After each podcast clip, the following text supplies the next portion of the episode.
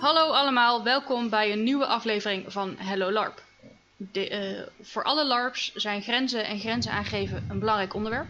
Sommige LARPs zijn er heel actief mee bezig vanwege het spel wat ze zelf aangeven. En andere LARPs hebben enkel wat, wat richtlijnen en hebben daar helemaal niet zulke duidelijke eh, regels voor opgesteld. Eh, vandaag gaan we het hebben over de meest gebruikte manieren om grenzen aan te geven. Daarvoor hebben we een gast bij ons, Sander Burger. Die uh, is op het internet, uh, op de LARP community, onder andere bekend voor zijn uh, artikel over romantiek onder LARP. Sander, stel je eens voor. Um, hallo allemaal, ik ben Sander. Uh, ik LARP al zo'n 16 jaar als spelleider en deelnemer. Um, ik doe ook bestuur bij Stichting EOS en ben bestuur en spelleider bij Evolution Events. En voor de rest ben ik op de nodige LARPs te vinden als legionair of edelman of vampierschout of magier. En ik doe ook de nodige internationale evenementen waarbij uh, met name grenzen aangeven erg belangrijk is. Ja, ik vind LARP een verschrikkelijk leuke hobby. Uh, met name het aspect om uh, in andermans schoenen te kunnen lopen en om dingen te ervaren die je anders nooit had gezien of mogen meemaken. En um, ik vind het altijd heel erg leuk aan LARP dat het ook heel erg vervliegbaar is. Je, je, speelt het, het is een evenement, je maakt het mee. Het is vaak heel intensief voor degenen die het hebben meegemaakt. En het is heel moeilijk om uit te leggen aan de buitenwacht, zelfs aan medelarpers die bepaalde soorten evenementen of situaties niet hebben meegemaakt. Dus het is echt een hobby om er wat over te kunnen zeggen. Absoluut.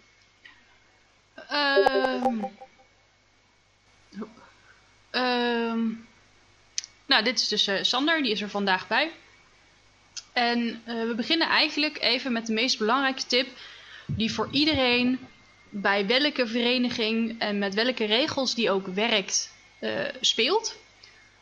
De tip die je altijd kan gebruiken is: zeg het tegen je speelpartner wanneer hij of zij tegen je grenzen aanzit of wanneer dat je spel voelt aankomen, uh, wat voor jou niet goed gaat vallen. Geef aan van ga niet veel verder of ga zelfs een stapje terug. Uh, deze is vooral bijvoorbeeld heel belangrijk wanneer je even bent vergeten wat nu precies de manier is waarop die specifieke vereniging de grenzen aangeeft. En dus noods kun je ook even vragen aan je speelpartner van uh, hoe zat het ook alweer, maar doe dat dan later en niet tijdens het spelletje.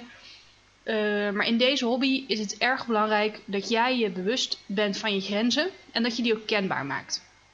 Jij maakt het er voor jezelf en anderen er immers niet leuker op wanneer je niks zegt en anderen jou dusdanig ver pushen dat jij vervolgens de rest van het weekend en zelfs daarna niet lekker in je vel zit en je afzondert. Dus zeg het vooral. Uh...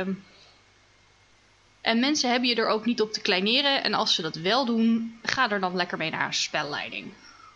En geef daar aan wat er is gebeurd, want daar zijn ze ook voor. Onder andere. Als je het niet zelf kan uh, oplossen. Nou, dan gaan we nu verder met de verschillende modus, uh, methodes van grenzen aangeven. Uh, Sander, jij hebt met jouw vereniging een safety and consent workshop opgezet, die verplicht is voor in ieder geval jouw vereniging, geloof ik. Uh, kun je iets meer vertellen over waar je dit toepast en welke methode er dan wordt gebruikt?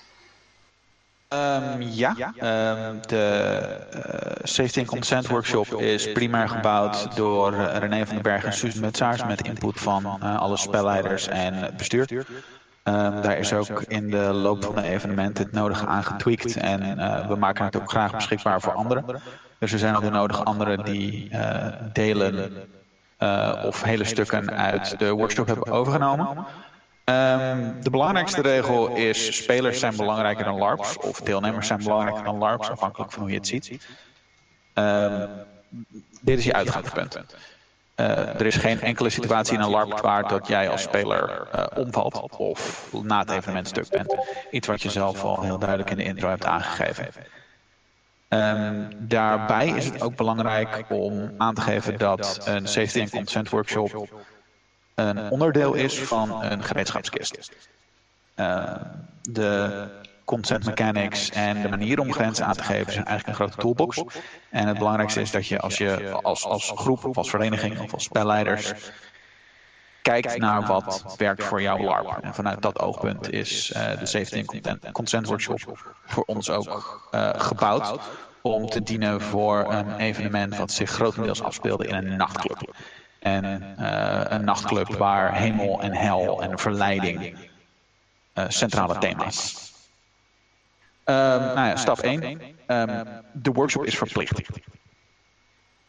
Het valt niet altijd bij iedereen even goed. Uh, het wordt soms vaak gezien als belerend. Het wordt ook veelal gezien als een uh, als het gelijktrekken van de workshop met bijvoorbeeld de veilig vechten uh, workshops die ook nog worden gegeven, dan krijg je met name de mensen die een veilig vechten workshop al tien keer hebben gedaan van moet dat nou?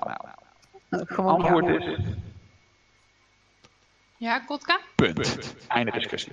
Gewoonweg, ja. Hou dat verplicht, want dat helpt inderdaad een heleboel.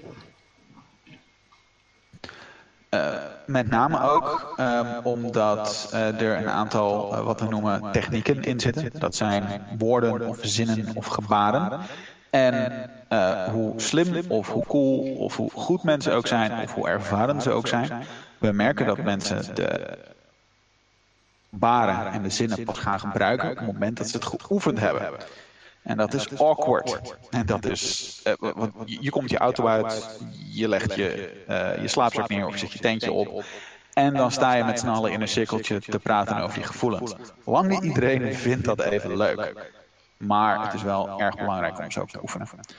Um, dus wij hebben aan het begin van de workshop ook toegevoegd waarom. En dat is een vraag die we ook uh, beantwoorden aan de deelnemers. We willen niemand kwetsen. Mensen zijn belangrijker dan LARPs. Dit voor iedereen's veiligheid. We hebben een super uitgebreid regelsysteem op veel LARPs voor veilig vechten, voor uh, encounters, voor geweld. Waarom niet voor andere vormen van misschien emotioneel geweld of voor gevoelens? Uh, dit soort dingen komen in met name bijvoorbeeld Vampire LARPs ook echt veel voor. Dus waarom was er nog geen systeem voor? Um, ook belangrijk is dat het een vangnet creëert. Um, we uh, hebben het in de workshop daarna ook altijd over vertrouwenspersonen. Wie op deze LARP zijn de vertrouwenspersonen? Welke reden kan je naar ze toe? Uh, waar zijn ze? Uh, wanneer zijn ze beschikbaar? En het antwoord hoort te zijn de hele LARP. En zelfs nog als ze al naar bed zijn. vaak wordt ook afgesproken wie dan het stukje tussen aanleidingstekens nachtdienst pakt. Dit zijn vaak leden van de organisatie of medespelers, maar wel mensen die er ook echt, um, misschien door hun beroep, maar ook primair als LARPer.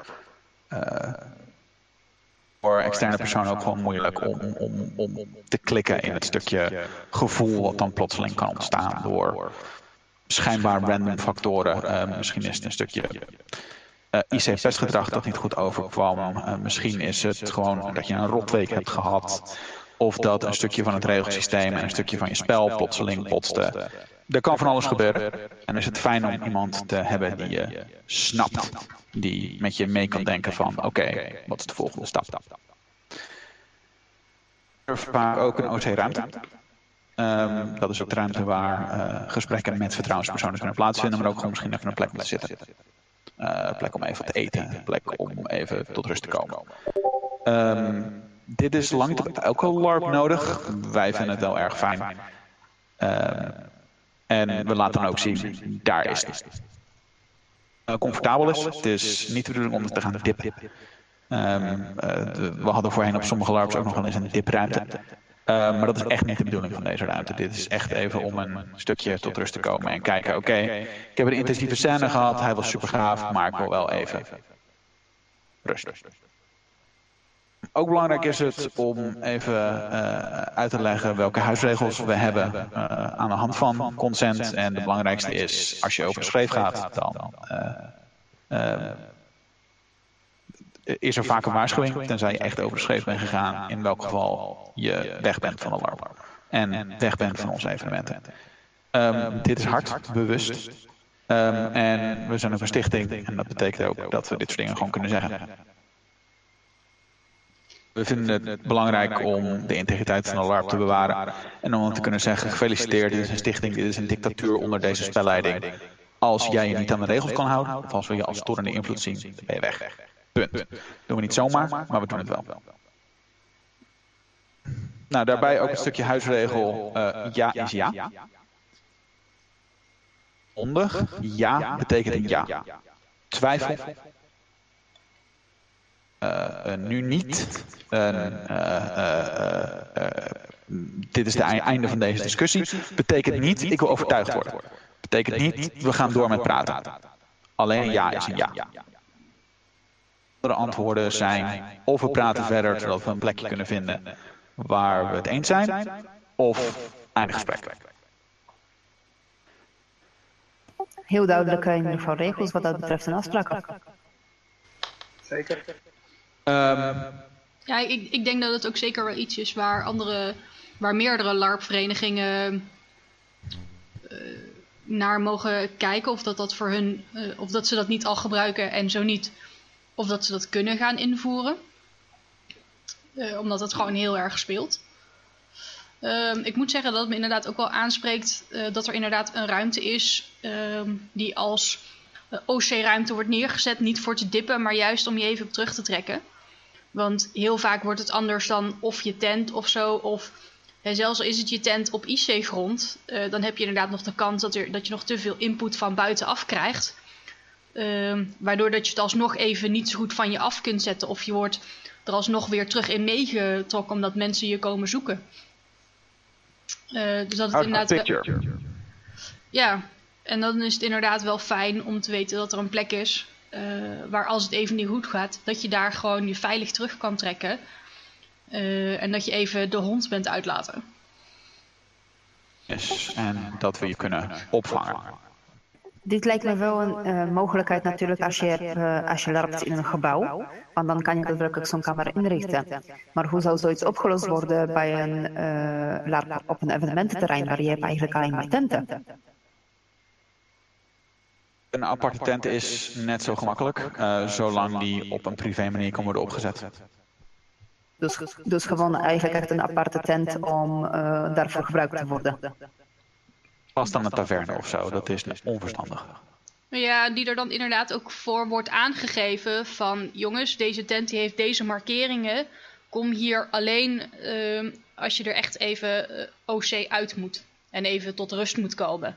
En zo, ik, ik denk dat dat uh, zeker bijvoorbeeld op de Vortex, dat dat ook te realiseren moet zijn.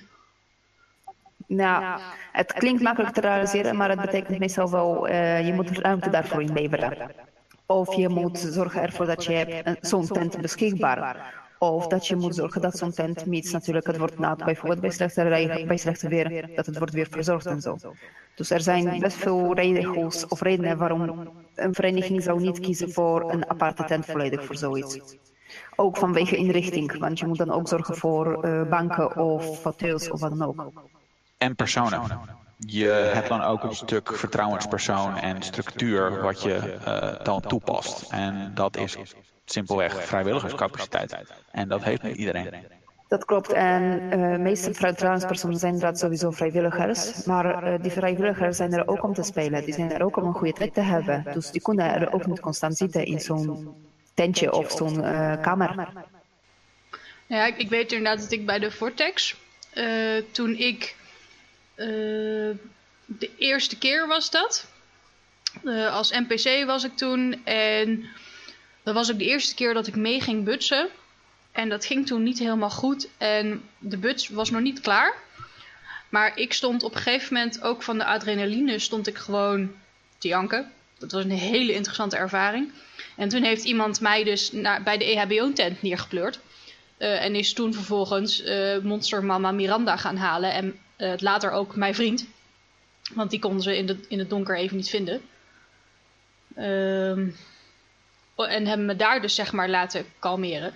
Dus bij de EHBO is dan ook zeker een optie. Alleen dan heb je ook de kans dat er dus...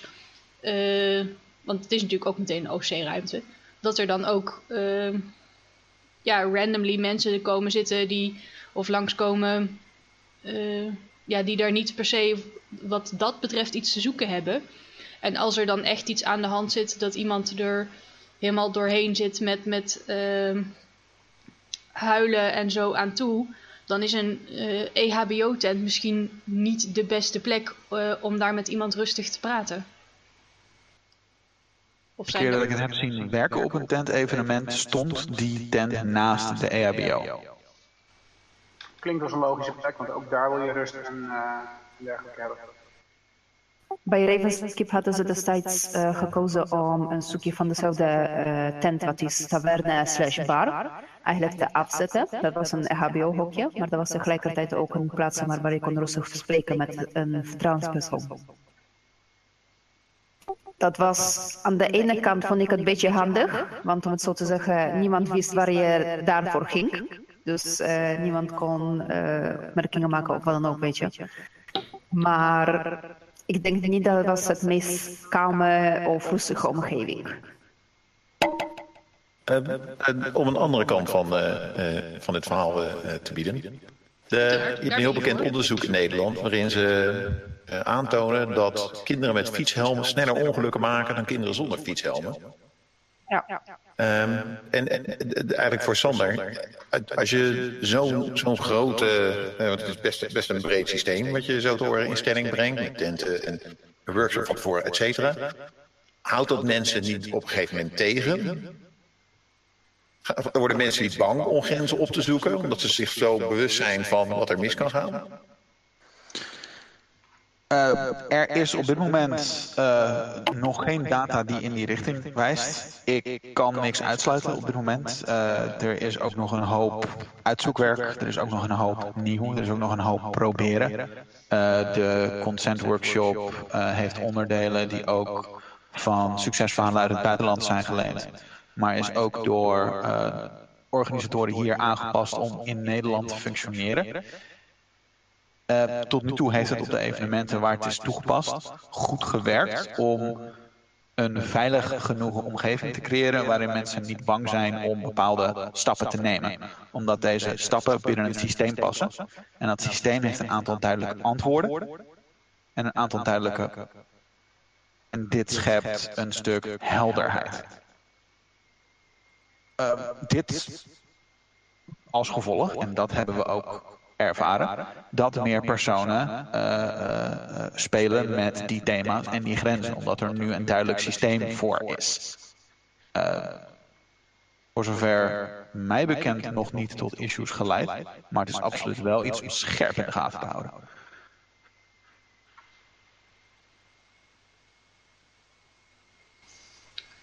Zeker.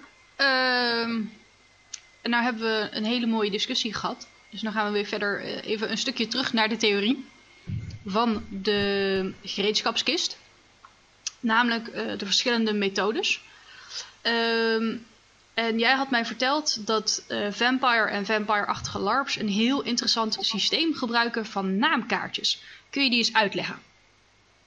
Zal niet, niet alleen vampire-achtige evenementen en LARPs. ehm, maar ehm, waar het op neerkomt is dat naamkaartjes en markeringen op naamkaartjes of eh, gedragen buttons ehm, een eh, palet opties aangeven. Ehm, als je een strikje of een rode stip op je kaart bent, dan ben je in voor eh, vuistgevechten, bijvoorbeeld.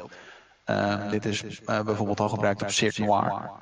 Ehm, en ehm, bij een aantal vampire evenementen in Duitsland. Ehm, hiermee kan je je eigen spelervaring samenstellen. En ook eh, switchen naarmate je het fijn vindt. Dus als jij een hartje op je, eh, een hartje button op je trui draagt, dan geef je aan, ik ben in voor een romantisch spel. Nou, mocht je op een gegeven moment zeggen, dit was awesome, nu ben ik een beetje gaar en wil ik liever alleen maar dansen. Dan kan je gewoon de button in je zak steken. En dan is niemand meer te over of jij wel of geen romantisch spel zoekt. Of vuistgevechten. Of eh, eh, eh, op sommige LARPs uitschelden. Dat wordt dan ook gebruikt als mogelijke ja of nee. Er zijn ook LARPs die zich bouwen rond het thema van bijvoorbeeld exclusie. En dan is het goed om te weten of een, een figurant die een normale dorpeling speelt, jou als freak mag gaan uitschelden. Sommige mensen reageren niet lekker op. En dat is ook logisch met het pestverleden van een hoop LARPers. Dus dit soort ervaringen op deze manier sturen en in één oogopslag kunnen zien: ik ben hiervoor in en hiervoor niet. En daar geldt ook weer ja is ja. Een button is ja, anders nee.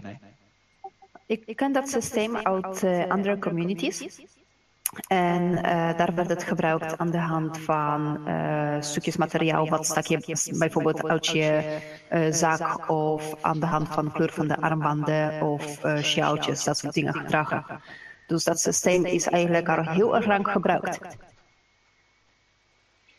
systeem is ook min of meer geleend en toegepast op de LARP-hobby van inderdaad aanverwante hobby's. Vind je niet dat het systeem met uh, te veel opdeelt qua, qua spel? Want ik hoor jou nou best over veel verschillende uh, typen spel praten. Je bouwt een LARP op basis van een aantal centrale thema's.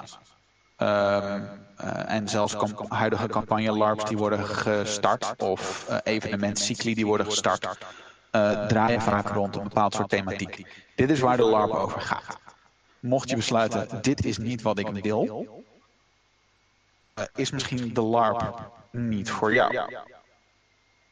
Of je nog de optie hebt, ja, ik ben in voor een romantisch spel, spel. Niet iedereen vindt dat even leuk. En misschien zeg je het eerste weekend van de cyclus, ik heb best zin om romantisch op de dansvloer te schuifelen. En het tweede evenement heb je een rotweek gehad, een break-up of net een nieuwe relatie waarin je hout op de botel bent over je partner. En dan wil je misschien helemaal geen romantisch spel met een ander. Degelijk je ervaring sturen. Dus opdelen alleen als je kernthema's van een evenement op deze manier gaat behandelen. Ik heb dat nog niet gezien. Het, het, lijkt een interessant experiment. Maar dan krijg je ook een stukje, ja, ja noem het balkanisering van je LARP. Uh, het, het zou een interessante manier zijn om een LARP te ontwerpen. Maar ik heb het nog geen split zien opleveren. Nou, ik, ik heb ook juist het idee dat het eigenlijk vooral een goed systeem is... wat bijvoorbeeld ook goed kan werken bij de wat grotere verenigingen. Want bij kleinere verenigingen dan weten mensen al sneller onder elkaar waar iemand wel of niet toe in staat is. Of waar dat ze wel voor te vinden zijn. Want je kent de mensen op een gegeven moment. Terwijl bij de grotere verenigingen ja, is de kans uh, ook groter dat, je, uh, dat er nieuwe mensen steeds bijkomen. En die weten misschien niet meteen van... oh ja, bij jou moet je niet gaan lopen schreeuwen, want daar kan ze niet tegen. Weet je wel? En dan uh, is het eigenlijk juist wel handig om dan van dat soort dingen te hebben die voor iedereen vanaf het begin af aan duidelijk maken van oké, okay, uh, dit moet ik bij jou niet doen. Dus ik, ik, denk dat het zeker voor de wat grotere verenigingen eigenlijk best wel een handige mechaniek is. Oh, sorry, pardon, ga je gang. Ik denk dat het zou eigenlijk zelfs uh, meer spel kunnen leveren. Vanwege het simpele reden, als je ziet bij iemand uh, bijvoorbeeld, hey, ik ben in voor uh, romantiek, bij LARP, zoals bijvoorbeeld als voorbeeld was aangegeven, dan kan ik me makkelijk voorstellen dat iemand die dat ook wil gaan opzoeken in, in het spel, die kan het dan juist, die weet bij wie moet hij ermee terecht zijn. En dan kan dat leuke spel gaan juist opleveren, kan ontwikkeling geven aan karakters en het spel zelf. Ja, want nu duurt dat inderdaad best wel lang voordat iemand een keer doorheeft van oké, iemand is hier oké okay mee. En dan pas ga je dat spel initiëren. Want je gaat, uh, heel veel mensen, voor zover ik weet, die gaan dat spel niet eens initiëren. Omdat ze gewoon eigenlijk vanuit de basis eruit gaan dat mensen niet geïnteresseerd zijn in romantisch spel. Klopt, inderdaad. Dat heb ik zelf ook meegemaakt. En uh, daarnaast gaat er heel veel OC uh, elkaar leren kennen, tijd maar in, voordat je weet dat iemand kan dit spel hebben of wil dit spel hebben. Dus je kan dat niet gewoon op, uh, met de flow meegaan in het spel tijdens een LARP, omdat je weet niet of dat kan. Heel simpel gezegd. Hm.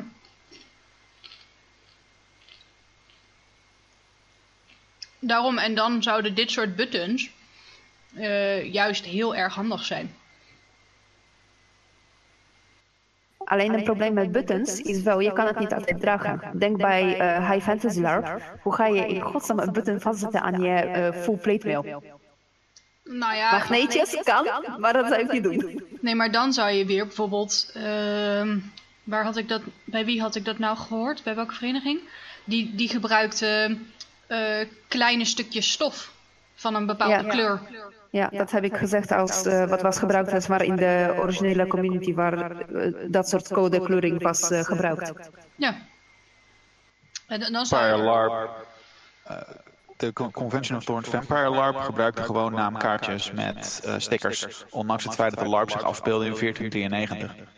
Eh, het, het is dan ook maar elke prioriteit geef je aan je veiligheidssysteem. En hoeveel doe je je best om het te verwerken binnen de LARP. Eh, in feite is alles mogelijk. Eh, en als er praktische bezwaren zijn, dan kan je daar wel een oplossing voor vinden. Zolang je het systeem prioriteit geeft. Dus ja, draag er maar een sash over je full plate mail of regel een rare earth magnet. Alles is op te lossen, zolang je het maar prioriteert. Of zet letterlijk stukjes gekleurde stof vast aan je riem. Weet je, uiteindelijk ehm, gaat het er maar net om, willen, lar willen LARP-verenigingen het maar goed genoeg inzetten? En dan kunnen ze altijd wel een manier ver- verzinnen waarop een bepaald systeem ingezet kan worden. Ehm, eh, en daarmee gaan we dan ook meteen verder naar de volgende methode, namelijk eh, de stoplichtmethode. Die is voor heel veel mensen klinkt die meteen helemaal bekend. Want iedereen is bekend met hoe een stoplicht werkt. Groen is ga vooral door. Oranje is eh, of dit is de grens, eh, ga niet verder. Of zelfs doe een stapje terug. Dat is net even de vereniging. En rood is eigenlijk altijd stoppen. Ehm, ja, die, die wordt ook eigenlijk eh, redelijk als een standaard ehm, methode gebruikt. stukje interpretatie. Ja, eh, oranje blijft ja. inderdaad een stukje interpretatie. Want sommige mensen eh, die willen er dan natuurlijk nog net eventjes doorheen. Want het is een stoplicht. En andere mensen die nemen het inderdaad als een cue om ehm, het dan in ieder geval wat af te remmen en te stoppen. Klopt, in heel veel verschillende verenigingen heeft oranje of geel eh, andere betekenis. Ja. Dus dat eh, is echt per vereniging even uit te zoeken. Maar de groen en rood, groen is ga door en rood is stoppen. eh, die staan sowieso vast. En oranje is dan per vereniging even te bekijken wat de precieze betekenis is. Eh, dan heb je ook nog eh, dat je het kan doen door handgebaren te gebruiken. En daar had Sander in zijn workshop had daar geloof ik de manier van. Dit wordt lastig te uitleggen zonder video overigens. Ja, Sander die heeft een linkje van eh, een YouTube video van eh, de handgebaren. Eh, en die heeft hij aan mij gegeven. En die gaat hij straks nog een keer aan mij geven. En die zal ik dan in de notities van de aflevering erbij zitten. En dan eh, eh, kun je die daar terugvinden. Maar er is een, een hele goede uitleg in ieder geval op YouTube ervan te vinden. En het eh, ga- gaat gebaseerd rondom het eh, oké-gebaar van duiken. Daar begint het mee en dan met eh, duim omhoog, duim omlaag aangeven wat je wel en niet wil. Het systeem eh, begint open bewust met het OK-symbool. eh, want als je een, een duim omhoog geeft om vragend, dan is de getrainde reflex van de meeste mensen om onmiddellijk een duim omhoog terug te geven. En we willen dat er een vraag wordt gesteld waar personen even over moeten nadenken. En dan zijn er drie mogelijke antwoorden. Ehm, ja, uiteraard, alles gaat goed, duim omhoog. Eh, eh, nee, het gaat niet goed, duim omlaag, dat is onmiddellijk stop. OC-ruimte of wel- welke mechaniek de LARP daar dan ook voor beschikbaar heeft. Vaak ook vertrouwenspersoon. En de derde optie, ik weet het niet zo goed, dat is dan het, het gebaar met de vlakke hand en heen en weer waggelen. Ehm, en ook dat wordt behandeld als oké, eh, eh, we, we stoppen de scène even en we praten even door, wat heb je nodig? En vaak in dat geval is het ook of de scène eh, opnieuw onderhandelen of eh, OC-ruimte, vertrouwenspersoon en dergelijke. Ik heb zowel met, met, met deze, met die handgebaren, als met die, eh, met die stoplichten. Ik, ik kan me voorstellen dat als je in zo'n situatie belandt, zeg maar als iemand tegen grenzen aan zit, ehm, dat, dat, die, dat die truc ertussen, eh, kan ik me zo voorstellen, in praktijk niet werkt. Want je hebt of iemand die het niet doorheeft en al over iemand heen is gebalst, als je zover bent gekomen. Dus die zal dan ook doorwalsen. Of je hebt iemand die zich het leplaas geschikt, dat die uh, iemand anders in zo'n zo'n nauwe positie heeft gedreven en zich terugtrekt en uh, vreselijk, vreselijk veel spijt heeft en, en zich rot voelt omdat hij iemand anders nou ja, een niet leuk moment in het spelletje af. Hebben worden, dit soort, worden, deze, worden deze vaak gebruikt? In praktijk, tijdens spelletjes, is dat vaak voorgekomen? Uh, ik heb de mechanic veel gebruikt zien worden. Ik heb nog geen situaties gehad waarbij iemand is doorgedenderd. Ever. Um, vaak uh, dienen de workshops er goed voor dat mensen bewust zijn over safety en consent mechanics. En als er dus iemand over een bar wordt geslagen tijdens een vuistgevecht, dan volgt er over het algemeen even een snelle controle. En dit duurt vaak minder dan een seconde. Maar daarover zal ik zo direct nog even een voorbeeld geven. Um, het feit dat als een uh, safety mechanic wordt gebruikt waarbij een scène stopt, dan is er vaak wel bij de veroorzaker of veroorzakers een stukje oh shit, schuldgevoel, ook even stop in het spelletje voor hen. Belangrijk om dat te onderkennen, om te zorgen dat dat goed komt om met die mensen te praten. Al is de eerste prioriteit altijd uh, uh, het slachtoffer of de slachtoffers. Um, in principe is het stop, shit, ik ben te ver gegaan. Geen slechte reactie. Het is wel een stuk bewustwording. Het is in principe onwenselijk. We willen graag dat iedereen een realisatie, ik ben te ver gegaan, is niet onwenselijk. Dat is working as designed.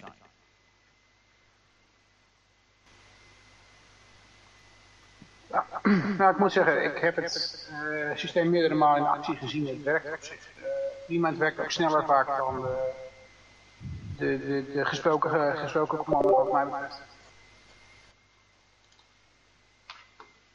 Voorbeelden, er zijn ook twee uh, uh, uh, varianten die zijn ontwikkeld die min of meer in, in, in zwang zijn geraakt over de afgelopen jaren. Dat is dat je proactief een duim omhoog kan geven. Als jij bijvoorbeeld uh, door je voorgenoemde uh, grote rivaal over de bar bent geslagen. Om dan proactief naar die persoon een duim omhoog op te steken van ik ben oké, speel door.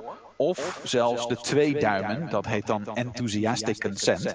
En dat is dan vaak ook een beetje een escalatieoptie. In dat geval, je bent over de bar heen geslagen, je geeft even snel die twee duimen naar jouw grote rivaal. En die rivaal weet, ik kan nu escaleren om ook gedurende die escalatie elkaar goed in de gaten te houden. En in de praktijk werkt dit systeem vloeiend. Ik heb het ook gebruikt zien worden in een arenagevecht op een groot Duits evenement. Waar het uh, alleen de mensen die de mechanic kenden opviel. Ja, ik heb zo'n uh, gebruik van die mechanics ook eigenlijk van de gebarenvrouw uh, zien ook gebruikt worden bij Boeia bijvoorbeeld.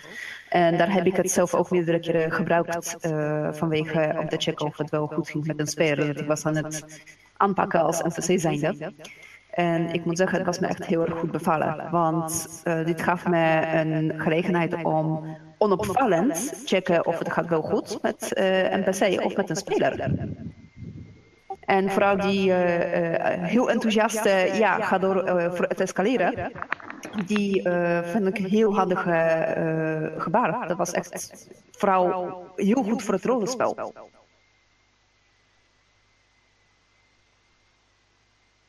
Het komt wederom stuk terug op dat stukje. Uh, op deze manier heb je meer gereedschap om je eigen ervaring te sturen. En om samen met anderen je ervaring te sturen. En om bij te sturen tijdens scènes, zonder scènes te onderbreken. Dingen te ver gaan om dan wel een scène onmiddellijk stop te zetten en te zorgen dat de juiste mensen en middelen voorhanden zijn om uh, de betrokken personen ook en indien mogelijk terug te wel te krijgen. Ja. Um, nou heb jij uh, nog een methode om uit te leggen, Sander? Je bent echt een hele instructieve gast vandaag. Uh, namelijk de zogeheten Henk-methode.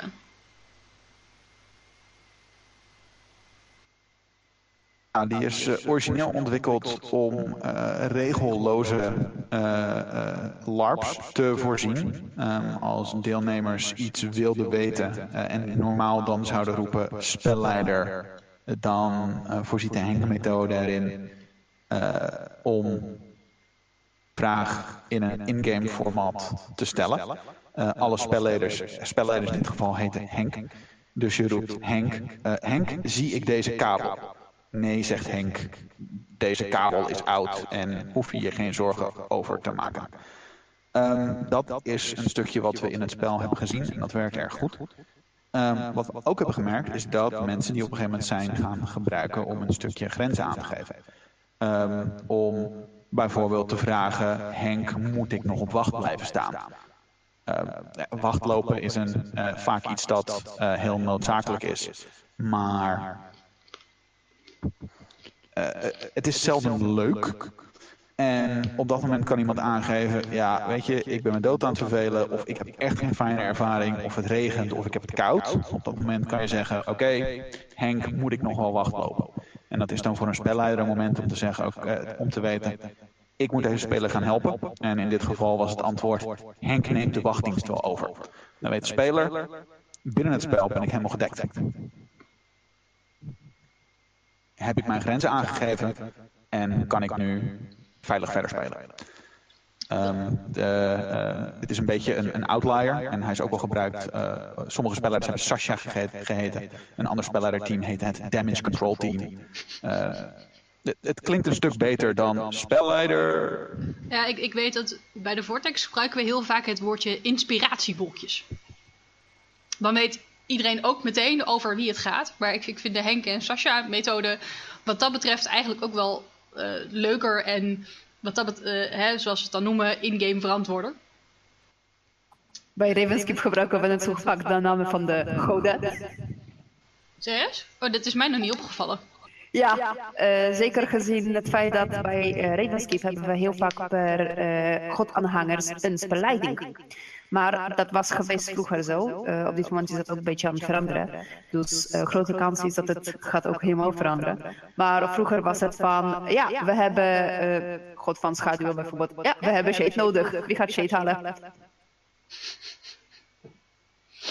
Is het niet um, het, het, het, het, behouden van de immersie, al is zo de techniek wel ontworpen. Het is ook dat je een directe vraag kan stellen. Um, waarin je zonder een in-game format te breken je eigen grenzen kan aangeven aan een lid van de spelleiding. Want uh, um, iets wellicht ten overvloede, maar spelleiders en organisatoren zijn net zo goed deelnemers die belangrijker zijn dan LARPs. En uh, uh, lopen net zo goed mee in de safety mechanics. Soms kan een spelleider ook aangeven tijdens een martelscène. Um, stop. Woord of handgebaren. Dus um, daarin is het ook belangrijk om te onderkennen dat organisatie en deelnemers ook niet immuun zijn voor uh, en ook hun grenzen moeten kunnen aangeven. Ja, wat dat betreft, Mark, heb jij dat al een keer wat dat betreft meegemaakt? Dat jij als spelleiding je grenzen uh, aan moest geven of aan wou geven? Uh, Nee, je, je merkt misschien al een beetje aan mijn, uh, aan mijn vragen en opmerkingen. Dat ik, uh, ik heb niet zoveel ervaring met dit soort systemen. En, um, het soort spelletjes wat ik, wat ik altijd heb opgezocht, daar waren die systemen ook niet, die waren ook niet belangrijk. Dus kijk, wat, wat Vortex, um, daar, in Vortex, bij Vortex is weinig ruimte voor uh, het persoon achter het karakter. Als jij als persoon je niet gemakkelijk voelt bij dingen, dat zal 90% van de mensen op Vortex en Worst wezen, die valt over jou heen. Dat heb je zelf vast wel eens meegemaakt. Ja, absoluut. Um, en de, de, meeste andere spelletjes die ik gespeeld heb, het 0.5 was post-apocalyptisch, dat, dat, uh, uh, dat ging er fysiek heel hard aan toe. Uh, de Noni en Tiran Beo, dat, daar waren dit soort systemen, uh, uh, zijn er niet in plaats gebracht. En het is ook, je wordt ook een beetje als speler zelf aangegeven, joh, dat is je eigen verantwoordelijkheid om ervoor te zorgen, om te voorkomen dat je over je grens heen gaat. Ja, want, uh, want ik ben natuurlijk inderdaad begonnen bij de Vortex Adventures. En daar ken ik eigenlijk alleen maar de no-play methode. Namelijk iemand zegt op een gegeven moment no-play. En dat betekent dat het spel direct wordt stopgezet. En de mensen tegen wie no-play wordt gezegd, dat die ergens anders spel gaan zoeken. Als, als, als, ik het goed heb, zeg ik hem zo goed, toch? Ja, volgens mij is no play niet eens een formele regel. Volgens mij staat hij niet in het regelboekje. Maar ik, ik weet dat Jeske, die legt hem bij de eh, Wyvern eh, OC Muster voor het spel, legt zij hem iedere keer uit. Eh, in ieder geval, aan de, aan de Ja. Dus ik, ik heb het altijd gezien als een, als een regel van, eh, van VA. Maar toen ik inderdaad daarna een keer naar Ravenskeep was geweest... toen was het ineens heel interessant dat iedereen bijeen werd, überhaupt daarvoor bijeen werd geroepen. En dat er ineens eh, inderdaad dit soort grenzen aangeefregels verteld werden. Dat ik echt iets had van, ik moet wat doen. Ja, nee, je, je bij Vortex de, een, een no-play is geen formele call. Iedereen weet wat je bedoelt, dus iedereen die zal meteen eh, zich van je wegdraaien en, eh, en wat anders gaan doen als jij je hoort gewoon een no-play roept. Om even op het verhaal van Mark door te gaan. Ehm, nou, ik moet zeggen, Mark, bij uh, waar, waar ik toen en zelfs inderdaad wil uitmaken, uh, net als uh, Imke, hebben we inderdaad al iets meer uh, daar ook voor dan uh, de vereniging zelf. Ik, ja, maar dat is natuurlijk ook wat Wyvern. We positioneren Wyvern ook een klein beetje als de factie om het makkelijkst te kunnen beginnen als nieuwe speler. Dus ik ja, vind het ook. Gemerkt, ja, ja de, aan de groei. En, uh, uh, ja, dus ik vind het ook heel verstandig van Jeske hoor. Dat ze, dat ze dit, soort dingen, dit soort dingen uitspreekt en doorneemt. En dat iedereen, uh, iedereen daar, daar weet van heeft. Maar je kan je voorstellen dat bij de meeste, de meeste andere groepen. ja, dus ik, ik durf te bij Golem zal waarschijnlijk gewoon not done zijn. Als je er één keer... Golem zit tegenwoordig ook beweging in om toch echt weer wat meer. Ik, ik denk dat als jij bij Golem de no-play-regel probeert uit te leggen, dat je de rest van het weekend geen bier meer krijgt daar. Ah, dat, dat... De horror.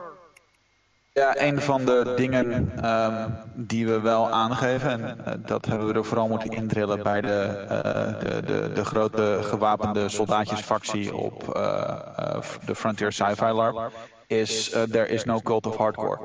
Um, jezelf over je grenzen duwen maakt je niet door. Als jij zegt, ik kan het hebben, sure, go for it. Maar jezelf over je grenzen duwen maakt je niet door. Aan de andere kant, uh, consent mechanics en dit soort dingen zijn ook fit for purpose. Als jij zegt, mijn LARP heeft dit niet nodig. Of mijn groep heeft dit niet nodig. Uh, dit gaat niks toevoegen aan mijn ervaring en levert alleen maar schijnveiligheid op. Of gebruik maar een beetje. Ja, ja, Dat is mij inderdaad best wel opgevallen. Dat, uh, inderdaad, dat, dat, hardcore cult is er niet. Ik heb het, uh, toen ik begon aan larpen, was het mij zelfs juist uh, heel erg gewaarschuwd over. Van wat, wat te ontwijken en wat zijn de grootste verschillen en dat soort dingen. En ik moet wel zeggen, ik merk dat oprecht in verschillende larpverenigingen, verschillende spelers of PC's, dat dat wordt gewoon eigenlijk niet gedaan. Sterker nog, als ze merken dat iemand dat doet, wordt er gewoon ingegrepen zelfs. Uh, dat heb, daar heb ik verder geen ervaring mee. Nou, dat, dat, ben ik, dat, dat ben ik niet helemaal op die manier tegengekomen. Voor een aantal LARPs zal dat zeker gelden, maar ik, ik denk dat er zeker wel uh, ook op ja, een best wel hardcore lijn uh, spelers rond, uh, rondloopt. Alleen niet maar op bepaalde plekken tegen. Dat kan het hele punt zijn juist, want uh, het kan zijn gewoon dat die spelers of NPC's op andere plekken gewoon niet komen of uh, die niet kunnen gaan doen. Zeker. Zolang er geen grensoverschrijdend gedrag is, is er, uh, denk ik, niet zo'n probleem. Um, wederom, het is een set gereedschap. En um, het, is niet bedoeld uh, initieel om bepaalde dingen in te perken. Het is om bepaalde vormen van spel ietsje gemakkelijker mogelijk te maken. En daarin deelnemers te beschermen door een raamwerk te bieden. Uh, het, het zou, ik, zou consent mechanics ook niet gebruiken als iets van sancties of zo. Dat, dat, ja, dan, dan ben je in mijn mening verkeerd bezig. Dit is iets waar je community achter moet staan. En waar je mensen mee wil laten oefenen om te laten zien dat dit mogelijkheden geeft en ruimte en een raamwerk. En niet als straf. Ja, zeker. Uh, om daar inderdaad nog even op terug te komen. Ik heb, ik heb inderdaad uh, het verhaal ooit gehoord van iemand die uh, begon bij de Vortex. en die had haar personage, het achtergrondverhaal van haar personage, die zou heel goed hebben gepast binnen eh, wat er bekend was over VA op de website. Dus wat ze van tevoren kon weten over metaal. Dus daar ging ze voor. Om dan vervolgens bij metaal aan te komen. En er gewoon ehm, finaal uitgeknikkerd te worden door het spel wat uh, metaal uh, aanbood als factie. En dan uh, zit het volgens mij ook in het stukje dat ze dan ja, niet echt openstaan voor de grenzen van andere mensen. En dat je dat, dat, dat heeft ze als factie ook zeker een naam gegeven. En, en dat vind ik dan wel weer heel erg jammer, want het hoeft inderdaad niet.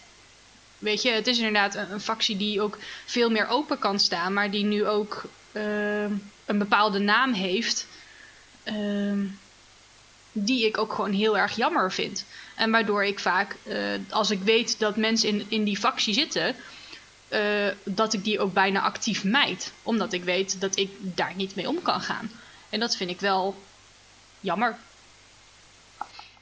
Ja, in principe is, maar dat is een beetje een zijstap, een uh, fijne en inclusieve community goed. Uh, aan de andere kant uh, van de rit is er maar één groep uiteindelijk verantwoordelijk of eindverantwoordelijk voor de LARP of het evenement. En dat is je combinatie spelleiding en bestuur. Dit de LARP is die men wil neerzetten. En men deze zaken er. Uh, uh, als dit een ding is waar men naar streeft. Of wat is gegroeid en niet als een probleem wordt gezien. Dan zijn dit niet methoden om dit te veranderen. Ja, dat is ook het punt wat ik wilde benadrukken met wat safety en consent mechanics vooral niet zijn. Om structurele, uh, ja, als, uh, wat, wat mensen als structurele reputatie-issues zien op te lossen. Uh, ook omdat dat echt heel subjectief is en in de eye of the beholder.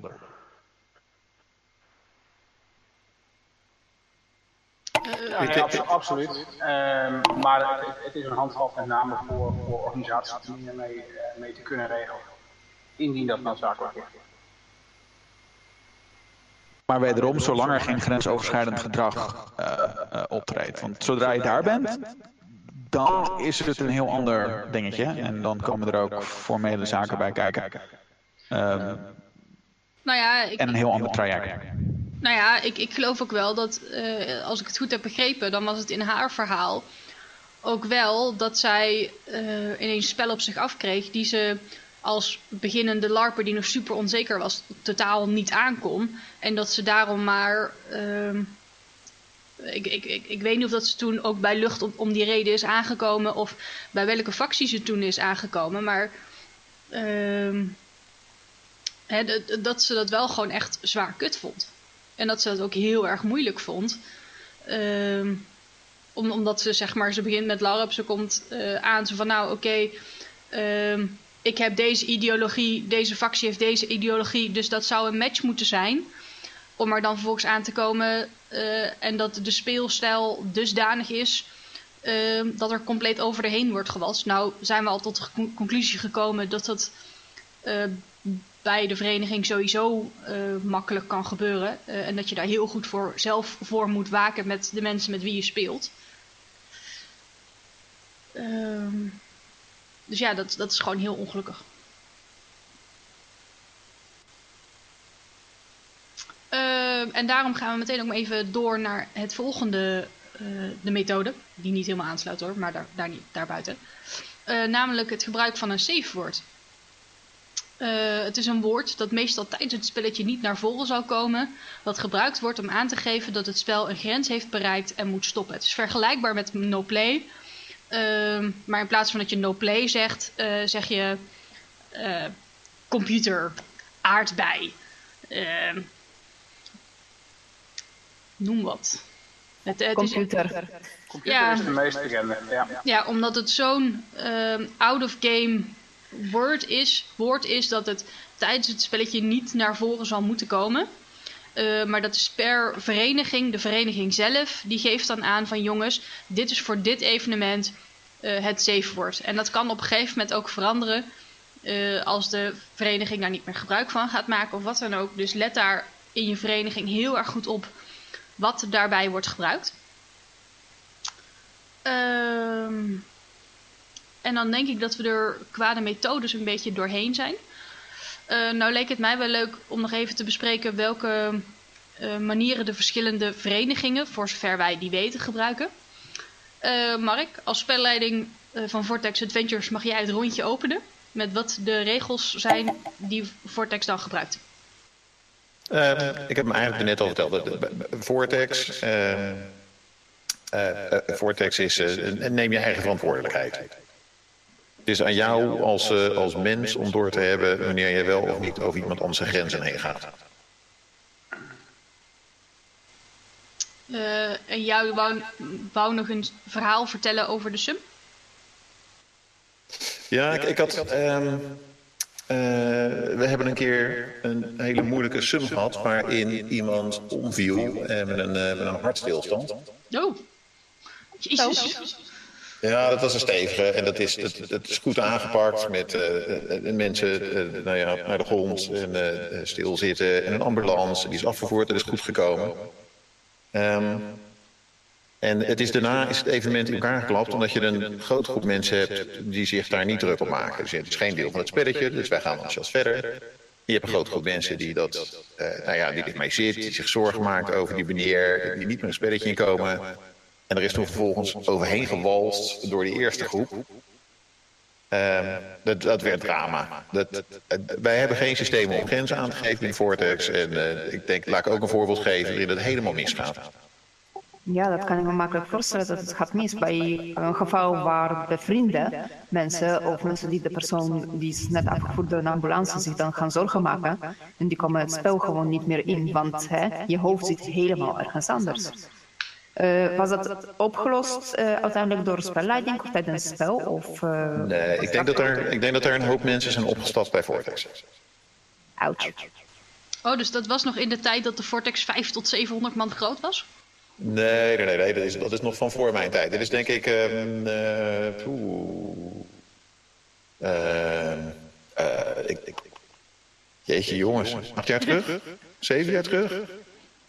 Volgens mij zo'n zeven jaar. Dankjewel. Uh, waarbij ik wel als zijnood wil plaatsen dat uh, de situatie zelf, als in het medische noodgeval, dermate professioneel en strak is opgelost, dat het bij meerdere LARPs, waaronder uh, groepen waarbij ik heb gespeeld, heeft geleid tot een heel adequaat noodplan.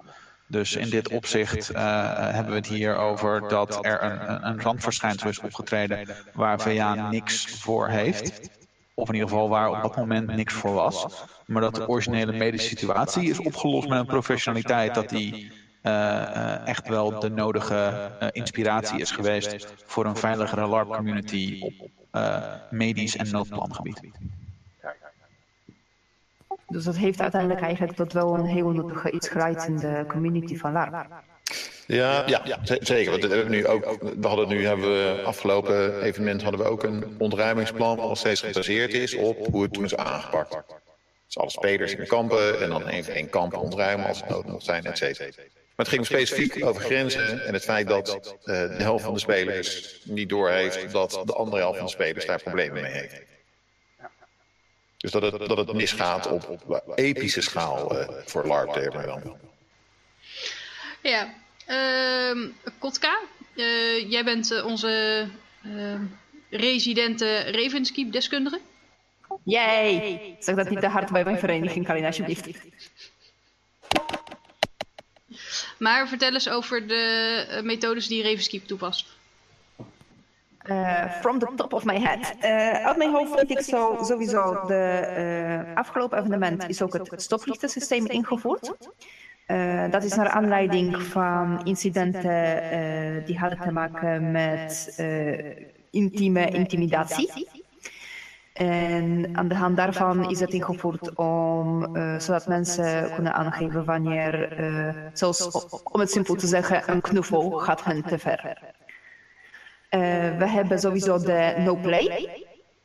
Uh, dat is gewoon uh, algeheel gebruikt. Uh, no play wordt geroepen op het moment dat je kan een scène niet hebben, niet aan kan, of welke reden dan ook, wil je die scène niet uitspelen. Op dat moment wordt er eigenlijk de betrokken partijen gaan samen met de spelleiding overleggen. En er wordt gekeken wat wordt er gedaan. Als je kan bijvoorbeeld een scène niet uitspelen vanwege, simpel gezegd, grenzen, fobieën of wat dan ook, dan kan er afgesproken zijn wat er is gebeurd. Uh, een goede voorbeeld is bijvoorbeeld, je bent doodsbang voor spinnen, maar je gaat uh, Underdark in, waar uh, het meest resistente beestje is een spin. Dan kan je aangeven bijvoorbeeld aan de spelleiding, ik kan een zicht van spin niet hebben, dus dan wordt er overlegd, hoe ga je dan bijvoorbeeld om mee met reis door het Underdark.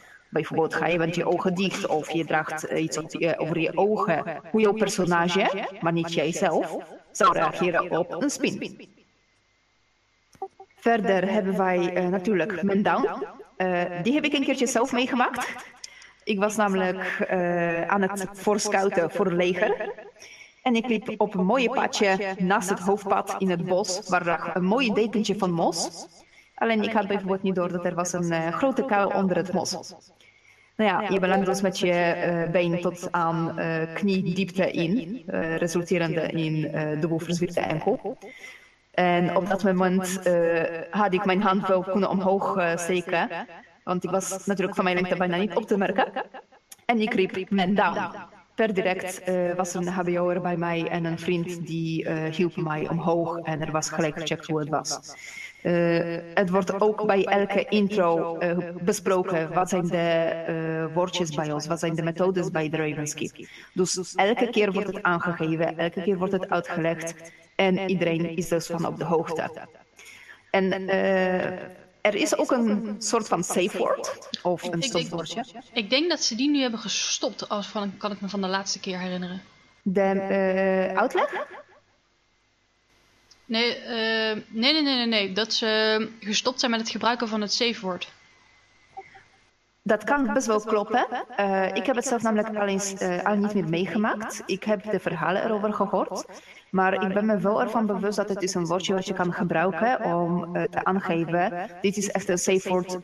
dat zou gebruikt worden om echt aan te geven. Ik kan nu niet verder en dit is verder dan no play. En in geval van Ravenskeep was mij verteld destijds dat het was woordje computer een woordje dat is volledig buiten het uh, spelletje, uh, volledig buiten de verhaallijn of het type spel, high fantasy enzovoort. Dus uh, op het moment dat je zou zoiets gebruiken, zouden mensen echt een momentje hebben van, hè, wat is er aan de hand? Maar ik heb het zelf nooit zien gebruikt worden, nooit gehoord gebruikt worden. Dus ik geloof inderdaad dat dat is niet meer in gebruik. ik zou het moeten zelf checken om eerlijk te zijn met de vereniging of dat zo is. Ja. Pascal, kan jij Boeia uitleggen? Uh, ja, dat is mogelijk. Boeia die is altijd, uh, was eigenlijk van het systeem, uh, het oplichtsysteem. Is een aantal events geleden overgestapt naar het gebarensysteem, ook omdat het minder impact heeft op het spel zelf. En gewoon sneller, sneller te checken is zonder dat je je karakterbreking bezig bent. daarnaast kennen zij ook de no-play natuurlijk. En um, misschien dat Kol kan mij eventueel aanvullen mocht ik wat missen trouwens. Um, ik zit nou even te denken. Nou, bij handgebaren? Handgebaren? Ja, de, de handgebaren die zijn we, daar zijn we op overgestapt naar de... Ja, nou ja, bij boeien is het natuurlijk sowieso al dat je van tevoren aan uh, het ja, bestuur ja. en de spelleiding je grenzen aangeeft wat betreft bepaalde uh, thema's. Inderdaad, ze zijn vooraf bij voor Creation al heel erg benieuwd naar uh, alles wat je eigenlijk niet wil hebben. Klopt, klopt. Want uh, ze komen inderdaad naar je toe, leggen je uit wat er eventueel op je afkomt, waar je eventueel rekening mee moet houden, wat betreft je eigen fobieën, je eigen grenzen. En, heel netjes in, maar ook omdat het spel soms heel hard en heel, heel, ja, best wel scherpst gesneden gespeeld wordt, is dat ook nodig. En uh, er wordt sowieso rekening gehouden ook met de fobieën.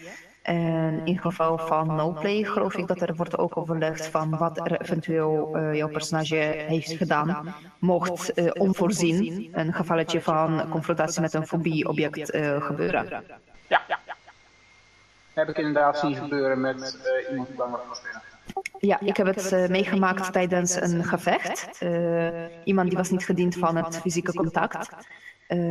Het gebeurde, waarop de persoon deed de handen omhoog, gekruist boven hoofd, van in een gebaar no play. En uh, op dat moment stapte de spelleiding erop af en was uitgelegd wat er was gebeurd. En vervolgens kreeg hij dus uh, op, oplossing van, nou oké, okay, tussen jullie was dus dit, dit gebeurd. Uh, ga naar de posities die zijn gevolg van zoiets dat er was gebeurd. En even kijken of ik heb nog iets gemist bij de boeia. Even kijken. handgebaren. no play, man down. Ja, men, daar hebben we inderdaad ook in zitten, maar die zitten volgens mij vrijwel bij alle larsen.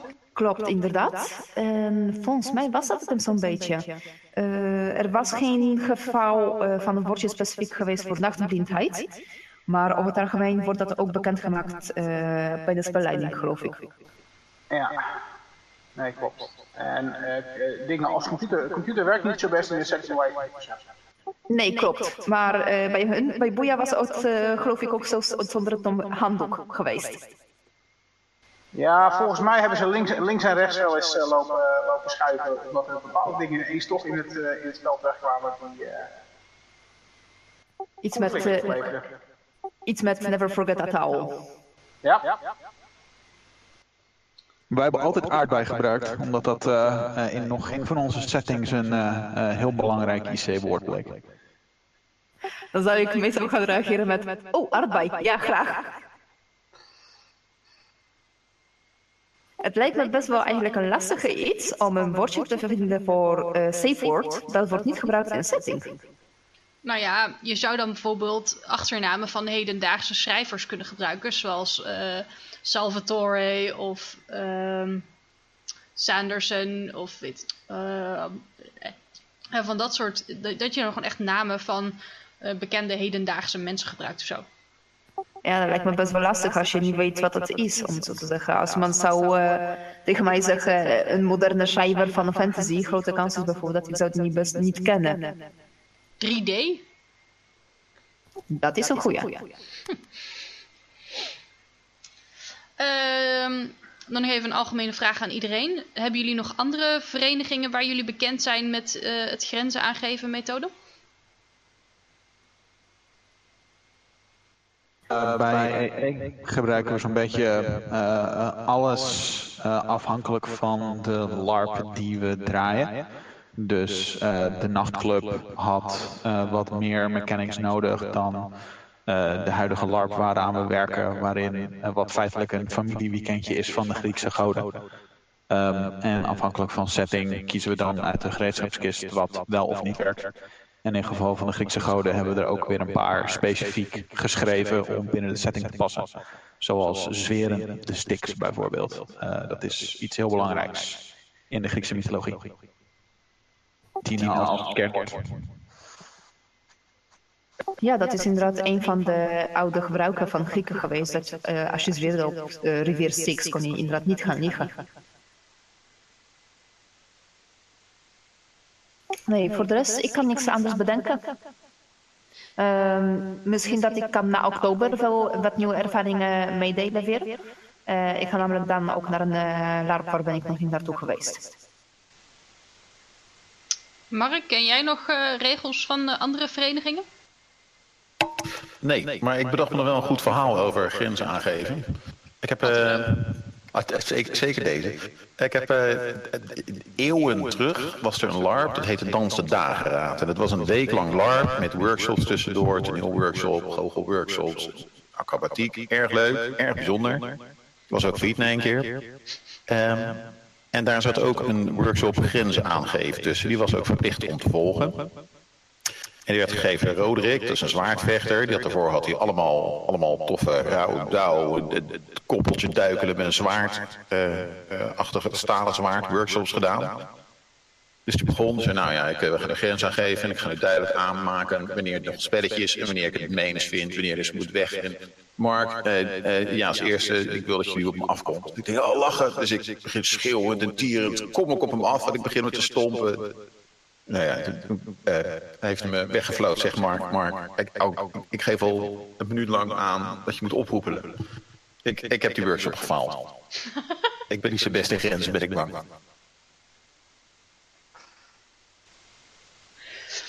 Ik, eh, als spelleiding, de ehm, avonturen die ik met je heb beleefd, was je fantastisch. Je hebt de overduidelijk geleerd van dit uh, faillissement. van die deze, mee, die stop ik in mijn zak. Ik moet wel zeggen, ik ben benieuwd eigenlijk hoe zo'n uh, workshop zou voor mij vallen. Vanwege het simpele reden dat uh, van mijn ervaring in meerdere communities ken ik mijn grenzen best wel heel erg. Dus ik heb moeite om ze te aangeven, omdat voor mij zijn ze duidelijk en ik geef duidelijk wanneer iemand is er tegen. Maar mijn grenzen zijn best ver. En uh, ik denk dat sommige mensen zouden bang zijn om proberen te überhaupt ergens in buurt van te komen, want dan gaan ze misschien te ver voor hunzelf. Ik weet niet, hoe zouden jullie uh, met zoiets omgaan? Uh, elke discussie over grenzen en elke consent negotiation is uh, twee of meer wegsverkeer. Dus de laagste gemene deler. Um, zo, bij ik bijvoorbeeld gegeven, dit is mijn grens. En dan kan je best hoger inzetten dan de grens van degene die aanvankelijk heeft gevraagd. Romantisch spel, vind je dat leuk? En op dat moment val je terug naar de laagste gemene deler. Dus uh, uh, we gaan er niet vanuit dat degene die uh, de eerste stap heeft gezet ook degene is die het hoogste heeft ingezet.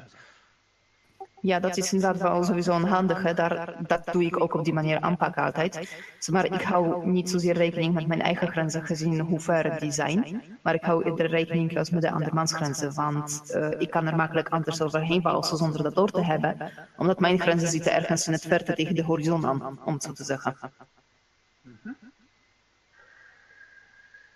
Ik had nog wel even een uh, vraagje voor Mark trouwens.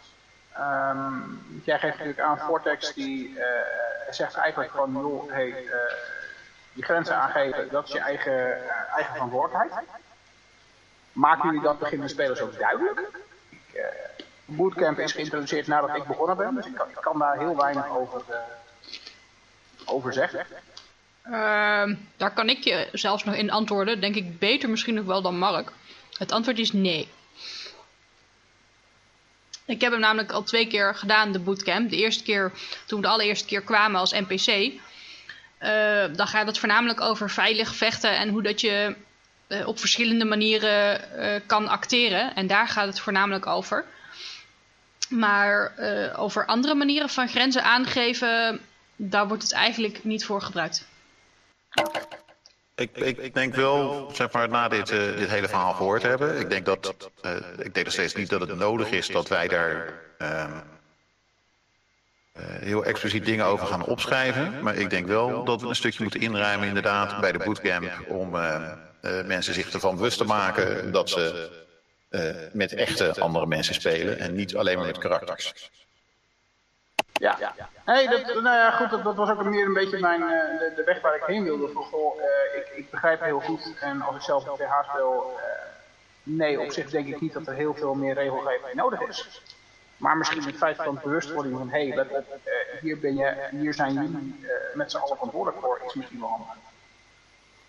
Veel groepen en uh, verenigingen en LARPs nu zie meer en meer verschijnen, is een hele duidelijke van tevoren wat kan je verwachten van deze LARP. En bij sommige LARPs dan de kwestie, deze thema's worden er gebruikt. Dus het, wij faciliteren deze setting, je kan op dit rekenen. Uh, we werken op deze manier. Dingen zoals veiligheid of je grens aangeven, dus je eigen verantwoordelijkheid is iets wat daar dan gewoon prima bij kan. Uh, dan, dan hebben mensen op één plek een hele duidelijke uh, handleiding. En vaak is dat echt niet meer dan twee of drie paragraafjes, of is die echt te lang. Oké, okay, dit is de LARP. En als dit je niks lijkt, dan misschien zoek een andere. En als dit je wel wat lijkt, wees welkom. Daar is de inschrijvingslink. Ja, uh, en daarmee gaan we uh, deze aflevering uh, afsluiten. Uh, volgende week gaan we het hebben over larpen met labeltjes en dipperlint. Heb je hier nou een opmerking of een, een vraag over? Of denk je, dit moet er dan echt besproken worden? laat het ons dan vooral weten via Facebook of stuur een mail naar imke.mastevens.gmail.nl uh, .com. Werkt alle twee. Uh, stuur daar verhaal je verhalen en opmerkingen en, en, en dingen naartoe die je, die je graag ze hier zou willen besproken hebben. Uh, en met deze tips en trucs over grenzen hopen we dat jullie meer plezier kunnen beleven aan deze mooie hobby. En er zo min mogelijk hinder van ondervinden. Uh, vond je dit nu een geweldige aflevering en denk je hier wil ik meer van luisteren, nog voor de rest? Dat kan. Uh, abonneer dan op de Patreon page YFMC. Voor 5 dollar of meer krijg je eerder toegang tot nieuwe podcasts, namelijk al op woensdag. En de notities van de show krijg je dan ook nog voordat anderen deze kunnen horen. Hier vind je ook nog meer geweldige LARP-gerelateerde projecten van mij, waar je deze op de voet kan volgen. Ga naar www.patreon.com slash yfmc, dat is Griekse ei FMC, en abonneer je om toegang te krijgen tot geweldige kijkjes achter de schermen en eerder toegang tot nieuwe podcasts en alle andere dingen, zoals ketelrecepten en uh, tarotleggingen, die je zelfs kan aanvragen voor je LARP-personage. Het werkt echt. Uh, en ze zijn geweldig informatief. Uh, volgende keer zijn we weer terug met nieuwe verhalen.